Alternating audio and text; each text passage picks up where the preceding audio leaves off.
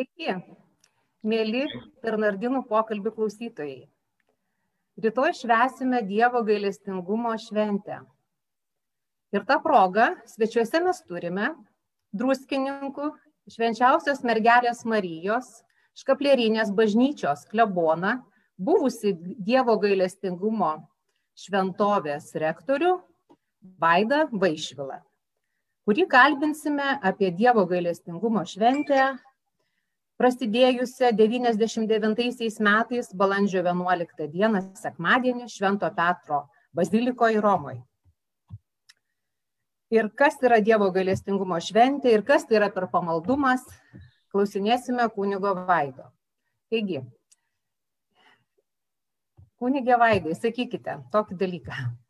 Dievo gailestingumas yra minimas tiek Senajame testamente pakartoto įstatymo knygoje, tiek Naujajame Jėzaus kalno pamokslo palaiminimuose. Palaiminti gailestingieji, jie susilauks gailestingumo. Ką Dievo gailestingumas reiškia krikščioniui? Žinot, visas šventas raštas, ar jį paėmus Senąjį testamentą ar Naująjį testamentą, galim sakyti, kiekvieną puslapį vartydami, mes aptiksime kalbą apie Dievo gailestingumą. E, Dievo gailestingumas su šventaja Faustina tai nėra kažkoks naujas apreiškimas, Dievo gailestingumas visada buvo. Ir ta Dievo savybė, gailestingumas, jinai visada žmonėms labiausiai rūpėjo. Kiekviename švento rašto puslapį rasi kažką apie Dievo gailestingumą. Ir Naujajame testamente tai jau išsipildo tas Dievo gailestingumas. Taip, kad Dievas taip pamilo pasaulį, kad atsiuntė savo vienatinį sūnų, kuris mus atpirko, mus išgelbėjo. Ir, ir Naujajame testamente Jėzus sako, ateikite pas mane visi, kurie vargstate ir esate prislėgti, aš jūs atgaivinsiu, tai palaiminti gailestingiai. Bet suprasti tą Dievo gailestingumą ir gyventi Dievo gailestingumu, aš taip kartais pagalvoju, man atrodo, kad čia reikia ir tam tikrų gyvenimo patirčių. Galbūt ir jūs esate pastebėję, kad dažnai kalbama apie gailestingumą, bet gailestingumo nėra. Mes labai dažnai kalbame apie Dievo meilę, bet tos Dievo meilės nu, yra tiek, kiek, kiek reikia jos parodyti, kiek ten kažkur žiūrint kam ir kaip tu ją parodysi. Bet suprasti Dievo gailestingumą, tai čia nėra taip paprasta, kad perskaitai Faustinos dienoraštį, perskaitai šventą raštą, nes šventą raštą taip pat reikia mokėti skaityti. Perskaitai dar ten kažkokių dvasingų knygelių apie Dievo gailestingumą ir jau tu viską žinai apie Dievo gailestingumą. Dievo gailestingumas yra susijęs ir su žmogaus gyvenimu ir, ir gyvenimo patirtim. Kaip mes galime sutikti žmonių, kurie visiškai nesuvokia, kas yra draugystė, reiškia draugauti, turėti draugų, mylėti kitą. Ir tą visiškai nekaltai daryti, bet jie visur visai išvelgia kažkur kažką visai savaip. Ir mes galime pasakyti, kad jie net nesuvokia, kas yra tikroji draugystė tarp žmonių. Ir tos širdies nekaltumo tokio taip turėti. Tai taip yra ir su Dievo gailestingumu. Mes galime kalbėti gailestingumo vainikėlį, mes galime melstis kiekvieną dieną, mes galime adoruoti kiekvieną dieną, mes galime gražiausių pamokslų prisiklausyti ir patys tų pamokslų prirašyti ir dvasingų knygelių prirašyti, bet tai dar nereiškia, kad tu jau žinai Dievo gailestingumą. Jisai ateina su laiku arba duota žmogui kaip malonė šventosios dvasios dėl jo širdies to žmogaus, kad to širdies neklastingumo galbūt sakyčiau. Kad to širdį visiškai nėra klastos ir Dievas duoda kaip malonę, o jei ne, vis tiek reikia tam tikrų gyvenimo patirčių, kad tą gailestingumą suprastum. Čia taip vienu žodžiu ir nepasakysi, ką reiškia krikščionių Dievo gailestingumas. Jis reiškia daug, jis reiškia viską. Juk jisai yra, kaip Faustina sako, nei angelo, nei žmogaus protų nesuvokiamas. Mhm.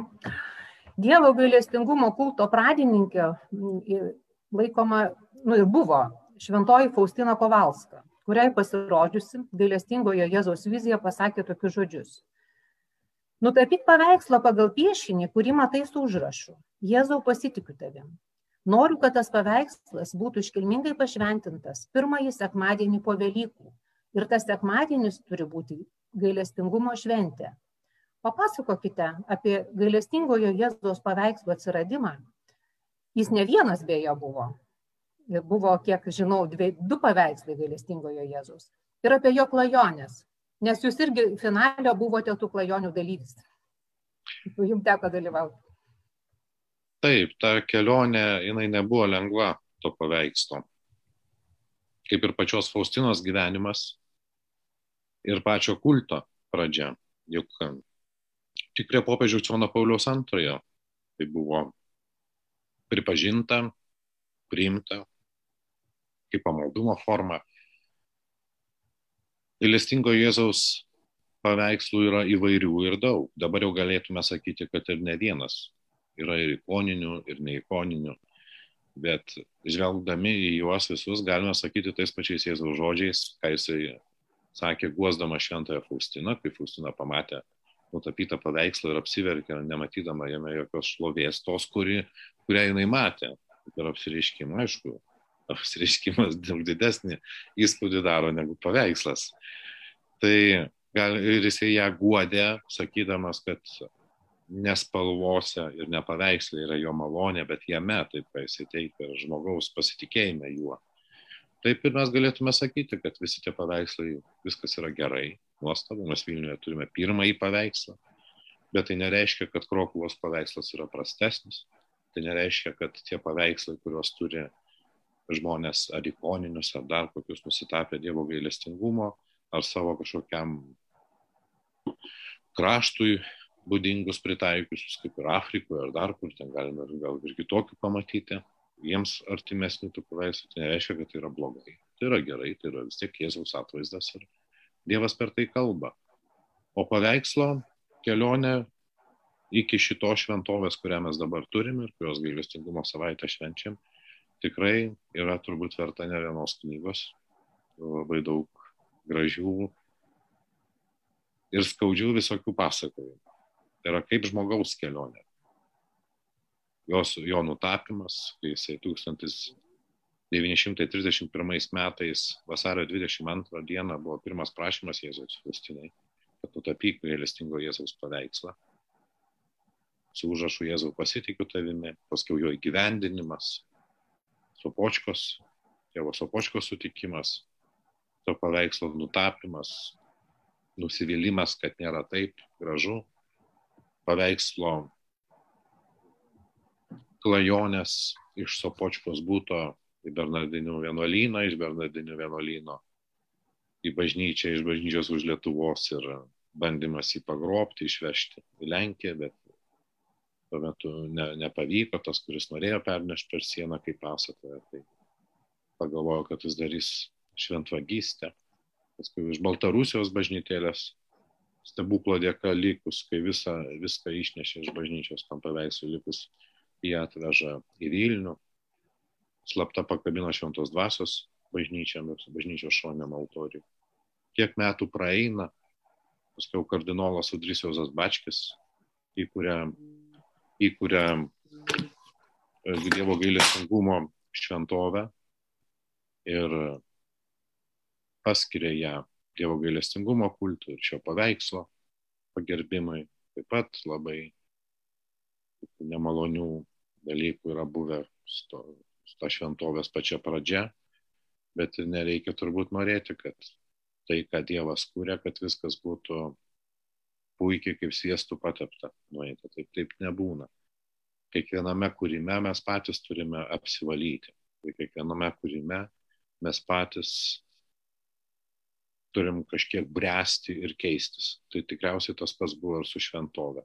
Net ir tie konfliktai, kurie tuo metu buvo, ar to purvo, ir teismų, nesusipratimų, ir vienu ar kitų žmonių pakurstimų, tai turbūt irgi nebuvo veltui, bet buvo tam, kad mes patys visi kartu, visi, visos pusės, be išimties, būtume priverstos kažkaip pažiūrėti kitaip, išeiti iš savo teisumo ir savo tokio visažiniškumo ir atsigręžti į Dievą. Ir tai, ką šiandien turime, šiandien turime atvirą Dievo gailestingumo šventovę visą parą, visiems žmonėms prieinamą. Aš atsimenu, kai aš ją atidariau visai parai. Tai irgi buvo labai dideli išgyvenimai. Pirmiausia, Tai kad Vilniui reikia tokios vietos, kad žmogus galėtų ateiti ir pasimelsti. Juk 7-8 val. visos bažnyčios yra uždarytos. O kur žmogui eiti? Ir tuo metu buvo nemažai žmonių tam tikrų periodų, kad ten nusižudo, kažkas nuo tilto nušoka ar ką. Nu ir su Dievo malonė ir viskupų leidimu buvo ši šventovė atverta visai parai. Ir ar tai nenuostabu? Pažiūrėkime į Šventos Faustinos dienoraštį žvilgterkim, kur jinai vienoje vietoje rašo, štai aš matau nedidelę bažnytėlę, kurios centrinėme altorijoje kabo gailestingo Jėzus paveikslas ir matau, kaip ta bažnytėlė tapo nuostabi šventovė. Ar Dievas nelaimina? Laimina. Ir per jo malonę tą turim. Tik svarbiausia yra tai išsaugoti ir išlaikyti kuo paprastesnę vietą nuoširdesnė ir atvira. Ir viskas bus su Dievo malonė gerai. O sakykite, įdomu būtų ir jūsų asmeninė patirtis, kai buvo tas paveikslas perkeliamas ir kokia buvo jūsų pati pradžia, nes teko girdėti, kad ji buvo mistinė. Nu taip visko tenai buvo.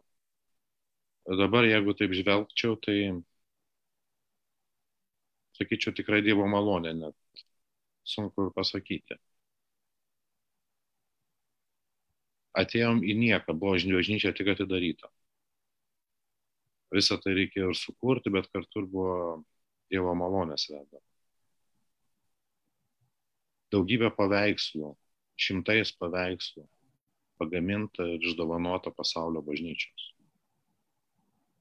Kai ką parduodavom, už tuos pinigus padarydavom, ką parduodam, kitą kopiją, kad duoti ir dovanoti tiems, kuriems per sunku yra įsigyti nuo Afrikos, Aliaskos iki Sibiro mes paveikslus dovanojam, siūsdavom.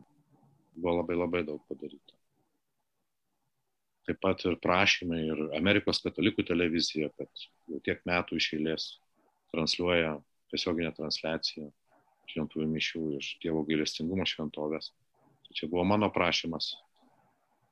Aš per tokį Danielių prašiau, gal jūs galėtumėt, tada susitarėm, tai ta transliacija, mums nieko net mokėti už tai nereikia. O koks dalykas nuostabus išėjo. Ir um, dėl vienuolyno įkūrimo. Aš pats vienu metu galvojau, kad gal viską palikti ir sakyti kardinolui, išeinu kurti vienuolyną. Tai ir žiedas nuo to laiko yra dar dabar ant rankos, tai yra duotas Dievui pažadas. Ir viskas tvarko ir per didžiausius sunkumus vis tiek susikūrė ir um, kažkokius žingsnelius po truputį žengia į priekį su Dievo malonė. Mūsų laikas yra kitoks negu Dievo laikas. Mes kartais norim, kad viskas įvyktų kuo greičiau ir, ir tobulai, o Dievas, Dievas turi savo laiką ir tame laikė kūrė. O to žmonės visus krikščionis tikriausiai, kurie nuoširdžiai Dievą myli ir jo pasitikė, vis tiek savo malonę įkvepia, kuri kartais mums gali atrodyti kaip mistika. Ir tik tai praėjus kažkiek laiko, pažvelgus atgal, supranti, kad tai buvo Dievo malonė ir jo vedimas. Mhm. O kunigė Vaidai, dabar turim klausimą. Noriu iš mūsų klausytojų. Ar Dievas pasigailėjo Judo, kuris jį išdavė? Ar yra gailestingumas tiems, kurie nusižudo? Dėl judo, tai čia reikėtų labiau jau klausti tokių labai rimtų teologų. Tai šitą klausimą aš perleisiu jiems. Dievo gailestingumas, aišku, yra beribis. Yra didesnis už teisingumą. Ir Dievo gailestingumas yra suprantamas tik jam. Arba širdžiai, kuri neturi jokios klastos. Dėl nusižudžiusių žmonių visada laidojau ir visada laidusiu nusižudusius žmonės ir nieks man neuždraus jų laidoti. Nes mano manimu, žmogus, kuris yra laimingas, jis niekada nepakels rankos prieš save. O jeigu jis buvo tapo nebelaimingu ir jis išdryso pakelti ranką prieš save, tai mes visi kažkiek esame dėl to kalti. Nes žmogus prarado tą psichologinę pusiausvyrą, tokį stabilumą nelietuviškai tariant, buvo davarytas iki to momento. Žinome, kokios situacijos yra gyvenime, kaip yra sunku žmonėms ir su darbu, ir su santykiais, ir šeimose visai būna. Ir kai kurie žmonės yra silpnesni arba tam tikrų sunkumų gal ištik, ištik, ištikus tam tikriem sunkumam ar problemam, jie nebemato kitos išeities, kaip tik tai pakelti prieš save ranką. O jeigu jis jau pakelia prieš save ranką, tai galime sakyti, kad jau truputį mąstė ne taip, kaip turėtų mąstyti ir nebuvo to, kuris jam padėjo. Ir labai didelė dalis savižudžių yra iš aplinkinių kalties, iš tų žmonių, kurie supo tą žmogų, buvo jo gyvenime. Tai labai dažnai yra jų kaltė, kad jisai taip pasielgė. Nes jie buvo beširdžiai, jie nematė, neatjautė.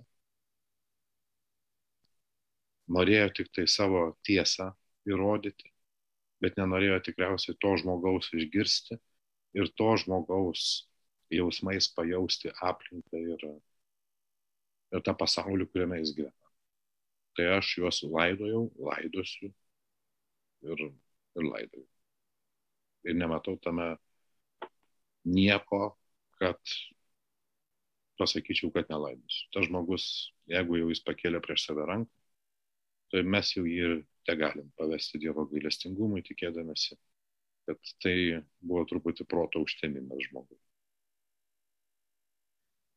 Kuo yra svarbus žodžiai, kuriuos šventai Faustinai padiktavo pats Jėzus? Jėzau, pasitikiu tavim. Ką tie žodžiai turėtų mums reikšti mūsų gyvenime, mūsų kasdienybėje, mūsų problemuose? jie jums kažką pradės reikšti tuo met, kai nu, gal jūs pamatysite tas problemas arba turėsite jų. Bet kol viskas yra gerai, tai jūs, jie jums nieko nereikš. Jau kai kažką tai tokio pajausit ir ant kelio atsiklaupsite, nu tada jie pradės jums reikšti, o ką jie ten turi kam reikšti, tai kiekvienam savo laiku ta reikšmė ateis. Mhm. Norėčiau jūs dar paklausti apie gailestingojo Jėzaus viziją, kuri pasirodžiusi ir ne vieną kartą šventai Faustinai padiktavo gailestingumo vainikėlį. Taip yra jau nutikę, kad manęs, ne, nu, sėki vienas žmogus manęs e, tiesiog nesuprasdamas visiškai, nu, žmogus gal tolokai nuo tikėjimo sako, kas čia per vainikėlis, kodėl diktavo, kodėl ten galvos gal turėjo uždėti ar kažkaip tai. Tai kas yra tas Dievo gailestingumo vainikėlis? labai graži malda ir sakyčiau kontemplatyvi. Tai nėra vainikėlio toks atkalbėjimas. Jei pradedi melstis, tai kaip ir rožinis. Jis gali tave varginti, gali imti žiovulys, bet gali būti kartu ir labai graži kontemplatyvi širdies malda. Supratau. O Dievo gailestingumo vainikėlis, ar aš teisingai suprantu, kad būtent popiežius Jonas Paulius II buvo tas, kuris labai, e, labai, kuris mėgo šitą maldą ir jisai tam tikrą prasme jisai ją ir platino. Man sunku pasakyti, aš tikrai nežinau, ką mėgo Jonas Paulius II ir ko jisai nemėgo. E, jo gyvenime turbūt tų maldų buvo labai daug. Ką labiausiai jisai mėgo, tai aišku, brevijorių, kaip ir kiekvienas E, dvasininkas, ką jis jau duoda savo įžadas. Tai brevijorius yra aukščiau gailestingumo vainikėlio ir brevijorius yra įpareigotas e, dvasininkas kalbėti už Dievo tautą. O vainikėlio niekas neįpareigoja kalbėti. Jį reikia atrasti. Reikia pradėti melstis. Čia iš tokių privačių pirmo pamaldumų. Bet jis yra stiprus. Ir pirmąjį variantą lietuvių kalba gailestingumo vainikėlį E, leido naudoti ir savo parašų patvirtino tai Vilniaus viskupas Mečislovas Reinys. Tai buvo pirmas, dar kurie tada neturėjo lietuvių kalba rašomos spausdinimo mašinėlės. Tai yra ranka taisytos žačia, anosinės raidės.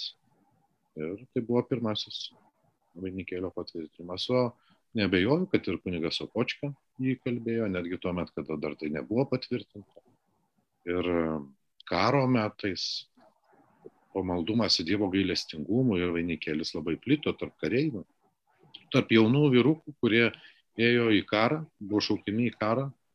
Daug kas nešiojosi gailestingo Jėzaus paveiksliukus ir lietuvių kalba, ir lenkų kalba. Tai be abejo, jie žinojo ir gailestingumo vainikėlį, kurį meldėsi. Tik tarybiniais laikais, sovietmečių Lietuvoje tai viskas buvo prigęs. Aš atsimenu, kai stojau į kunigų seminariją studijuoti, apie jokį Dievo gailestingumo paveikslą niekas ten nieko nešnekėjo ir tik tais į pabaigą jau einant, tai maždaug kažkur penktam, ketvirtam kurse, jau tokie garsai pradėjo eiti apie e, gailestingo Jėzaus paveikslą saugomą šventos dvasios bažnyčiui. Tada kardinolas pradėjo kalbėti mums apie tą kultą ir šventąją Faustiną. O iki to aš neatsimenu net ir savo senelių, kad jie kažką kalbėtų apie Faustiną arba Dievo gailestingumą. Tam tikrų metų tai buvo paplitę. Tai buvo Sopočkos darbas, didelis atliktas. Jisai platino ir lietuvių, ir lenkų kalba gailestingumo paveikslėlius. Teofilių eh, palaimintasis vyskupas Teofilius taip pat platino buvo užsidegęs. Mes kai kur matome bažnyčiose to laikmečio senų paveikslų padarytų. Bet paskiau viskas prigeso Lietuvoje. Sovietmečiu viskas taip kažkaip sustojo.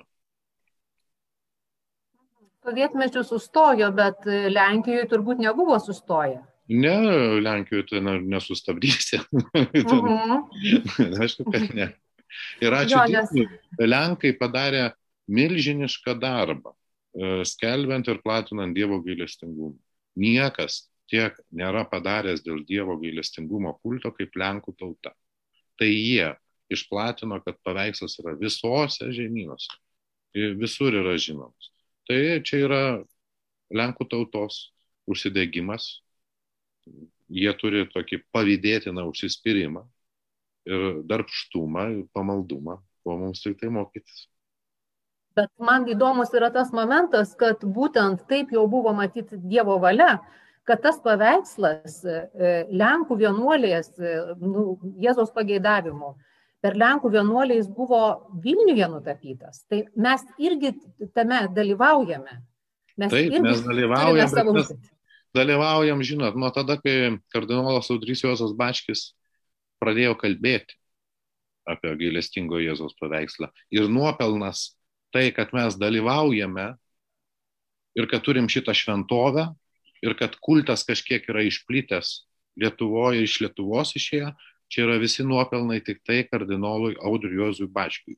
Joks kitas vyskupas tų nuopelnų negali prisimti. Nei mūsų arkivyskupas, nei kiti vyskupai, nei ką. Jiems tik pasvajota apie tai, kad iš tiesų visą juodą, tą patį sunkiausią darbą ir visą naštą ant savo pečių ir atsakomybę prisėmė mūsų kardinolas Audrys Juozas Bačkis. Ir jisai pradėjo tą dalyką. Ir jeigu jo širdį nebūtų tas gimę, ir pagarba Dievo gailestingumui, ir ta meilė tokia ir pagarba popiežiui Jonui Pauliu II, šiandien klausimas, ką mes turime. Kaip ir daugybė visų kitų dalykų, kuriuos Lietuvoje ir Vilniaus viskupijoje kardinolas tuo metu pradėjo, ir kunigų seminarija, ir ir vienuolynai nauji, ir vargšų maitinimai, betanija, daugybė visą kitokių, kitokių dalykų, labai gražių, kurių šiandien mes neturės, neturėtume, jeigu tai nebūtų jam duoti įkvėpimai ir jo nebūtume mes, kaip ir ta tikinčiųjų Vilniaus bendruomenė, turbūt pastumėta link to kelio ir tų veiklų gražių krikščioniškų, kurios dabar vyksta Vilniaus įskupyje.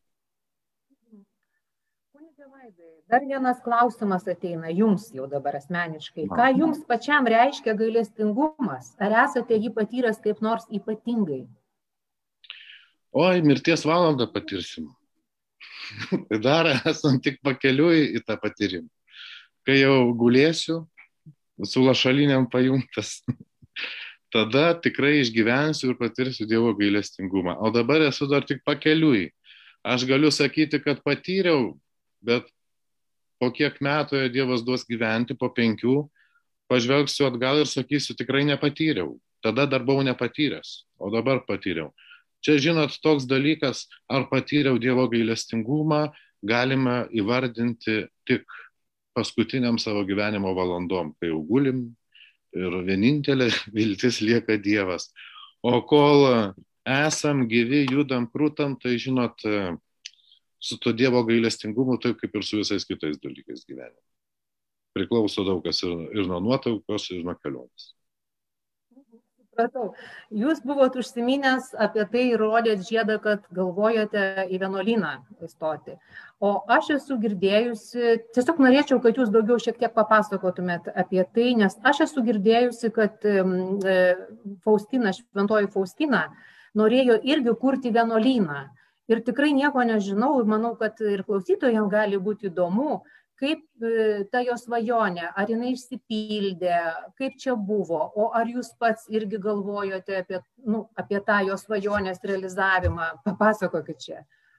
Tai buvo tokia istorija, kad aš vieną, kai skaičiau Faustinos dienoraštį, paskiau turėjau didelius išgyvenimus, kad Jėzus nori, kad tikrai būtų įkurtas tas gailestingo Jėzaus seserų vienuolynas, tas Dievo gailestingumo. Ir aš tą labai išgyvenau asmeniškai. Aš net pats mėgodavau, atsimenu, rektorate ant žemės ir galvojau, kaip aš dabar kardinolui pasakysiu, kad e, manegi durnu palaikys. Bet e, reikia eiti tokį vienuolyną, kur, aišku, žinot, e, paskiau atsirado merginos, kurios kažkaip labai netikėtai atėjo švento ir sakė, kad jos nori gyventi Dievo gailestingumu ir man tai buvo kaip ženklas. Tada ta kelionė buvo vienokia kitokia, ten dar sesuo Teresė to istorijoje atsirado, kuri iš karmelitų išėjo. Paskiau vienu metu aš buvau parašęs ir regulo vienuolyno. Tam reikėjo daug laiko, kad praeitų. Daug visokių sunkių išgyvenimų. Buvau nupirkę žemę, pustelninkus prie E, Dukštų parapijoje, netoli Kernavės. Ten pastačiau mažytę bažnytėlę, penkis namukus valgomai, išvaliau tą mišką, nes ten buvo krūmynai. Paskiau visą tą viskupo paprašytas buvau, perrašiau Vilniaus arkiviskupijai. Tada arkiviskupas tapo įkūrėjų, jisai ten savaip pakreipė tas seseris jas pradėjo globoti. Dabar jos ten gyvena, tuose pustelniukuose. Dalis tam tikrų metų ir tam tikrais išgyvenimais merginų išėjo į kitus vienuolynus. O tas, kas liko, tai jau liko, tai dabar, kiek žinau, arkivyskupo leidimu jos ten gyvena, pustelniukuose. Bet ten, aš tuo metu galvojau, kad ir pats viską paliksiu ir eisiu, nes tai buvo labai stiprus tokie mistiniai išgyvenimai. Ir taip daviau Dievui pažadą. Nu, visa kita yra Dievo valia, ne mūsų valia. Buvo, buvo. Yra kažkas, yra. Kaip viskas toliau bus, priklauso nuo tų žmonių ir nuo žmonių širdžių ir Dievo malonės. O dabar noriu jūsų paklausti apie plamai, apie skleidimąsi to Dievo gailestingumo kulto. Kaip jau pačioj pokalbio pradžioj sakiau, kad jis buvo, šita šventė buvo pirmas iki paminėta 1999 balandžio 11 sekmadienį Švento Petro bazilikoje Romoje. Tai vis tik tai, kas yra ta Dievo gailestingumo šventė? Nu, aš taip suprantu, kad lietuviams visą tai pakankamai dar tokie nauji dalykai yra. Ir kaip krikščionis turėtų ją minėti, tą Dievo gailestingumo šventę? Ką, kaip jūs pasakytumėt? Mes kiekvieną dieną kaip krikščionis minime Dievo gailestingumo šventę, nes mums kiekviena diena yra jo malonės diena.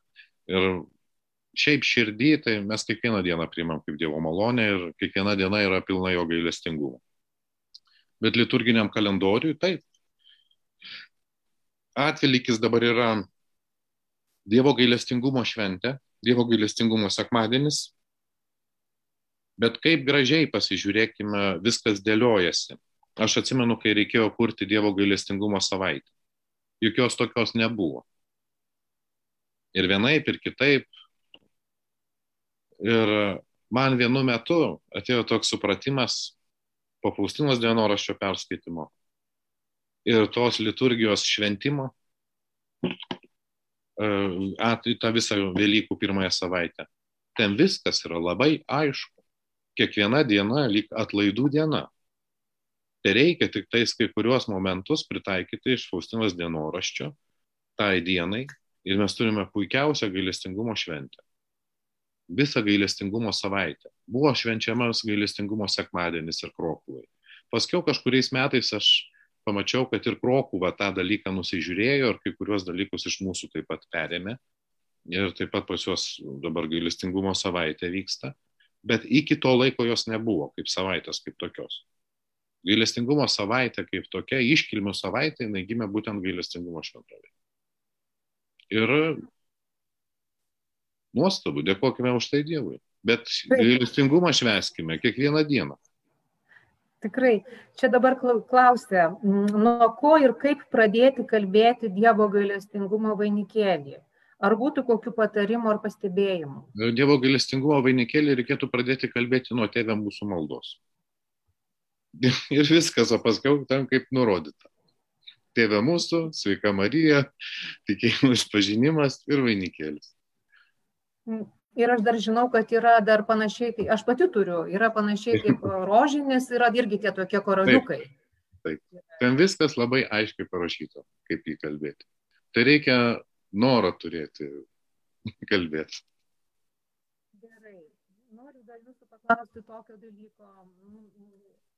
Tiesiog pernai metais taip jau man teko, kad kalbėjausi, bendravau su Gau Vilnius, kuri rūpinasi tam tikrą prasme turizmu, atvykėlių į Vilnių, tuo atvykstamuoju turizmu ir taip pat piligriminiu, tuo pačiu turizmu. Ir buvo savaime suprantama, kad turėdami čia gailesti, Dievo gailestingumo šventovę, kurioje yra gailestingojo Jėzaus autentiškasis paveikslas, mes galėtumėm tikrai labai paskatinti, pakviesti nu, piligrimus, kad jie važiuotų nebūtinai Lagevnikus e, į Lenkiją, bet jie galėtų ir pas mus atvažiuoti.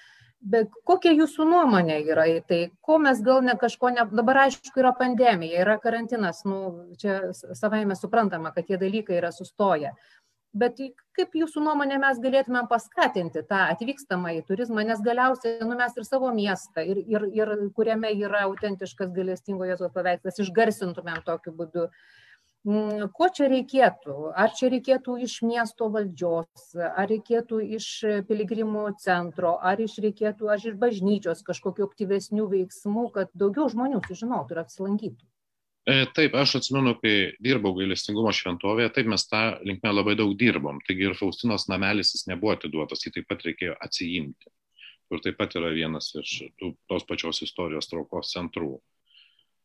Reikia didelį ačiū pasakyti Lenkų gydams turistų, kurie tikrai daug iš Lenkijos atvažiuojančių turistų, kurie kartais vieni atvažiuoja kaip piligrimai, kiti atvažiuoja kaip turistai kurie nori pamatyti daugą, bet juos taip pat veda gailestingumo keliu.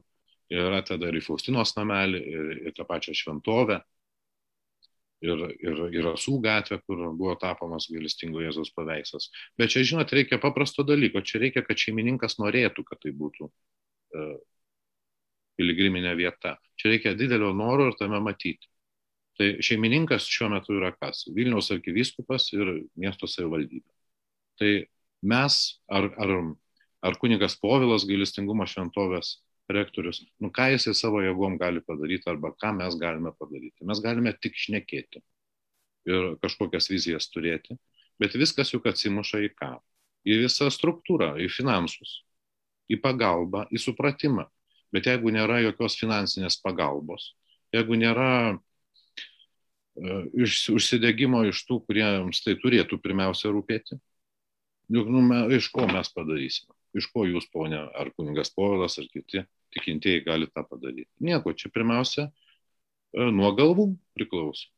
Jeigu jie mato Vilnių kaip gailestingumo miestą, jeigu jie mato, kad Vilniuje tikrai yra vietos pasaulio piligrimams, ir kad tai turėtų būti, nes čia yra gailestingumo miestas ir čia mes daug, daug gražių dalykų turime.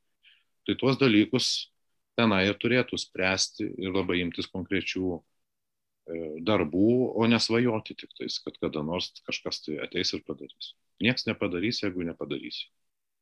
O jūs manote, kad tų veiksmų iš tų galvų, kaip jūs sakote, nėra pakankama? Aš sakyčiau, per mažai.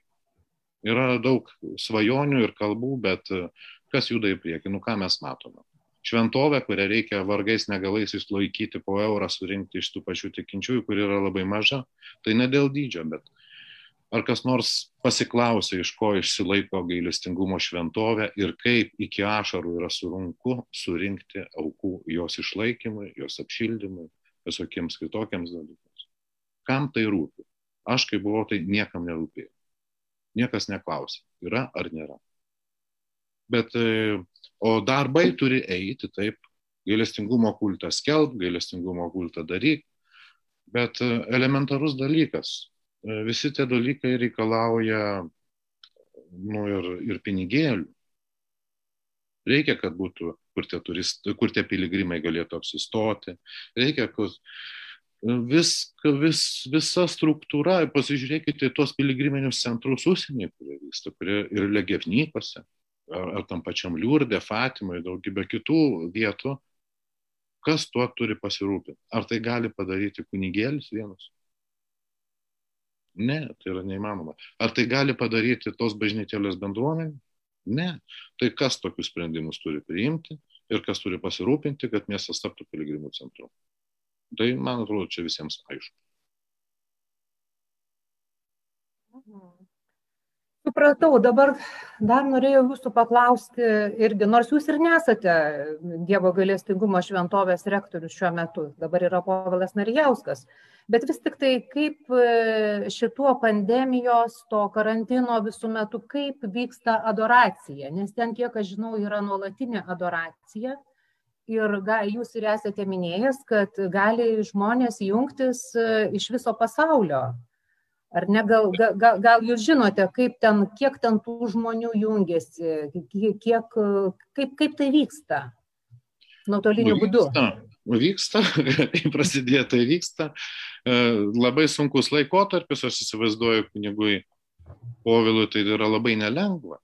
Tai žmonių tai nėra, vis tiek viską turi daryti ir atsakomybė ir tu daugiau susilauksi kritikos negu kad kažkokio pagirimo ar supratimo kad tu vis tiek bandai tame uždarytas iš visų pusių kažką tai daryti.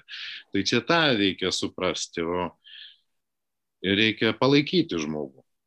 Tai nėra labai taip paprasta. Adoracija vyksta, pažiūrėkime vis tiek, ačiū Dievui, o ta gailestingumo savaitė, visa struktūra vis tiek jinai yra išlaikyta. Taip, jinai buvo kurta, per tiek metų kažkaip visi įsilaikė, dabar ta pandemija daug dalykų sugriovė ir procesija kumeninė su kitais krikščionimis ir būdėjimus naktimis bažnyčioje. Bet tokiom sąlygom, kokios jos yra, na, vyksta vis tiek. Ir adoruoja. Ir ačiū Dievui, tikėkime, kad viskas bus labai gerai. Aš manau, kad Dievas jau, jau jisai tuomet, kada čia atsiuntė ir šventąją Faustiną į Vilnių, jau jis tada turėjo planą ir jis mums neleis pražūti. Tai va, kunigė Vaidai, dar matau vieną klausimą dėl karoliukų. Jeigu neturi rožinio, tai kokie karoliukai, palaukit, to aš čia perskaitysiu tą klausimą iš savo. Tai jau telefono. supratau, jeigu karoliukų reikia. Turi būti įgyti ir kur juos galima įgyti? Tai užtenka rankos pirštų. Kai aš neturiu rožinį, man tai užtenka rankos pirštų. O karoliukai, kur galit nuo kaklo paimti.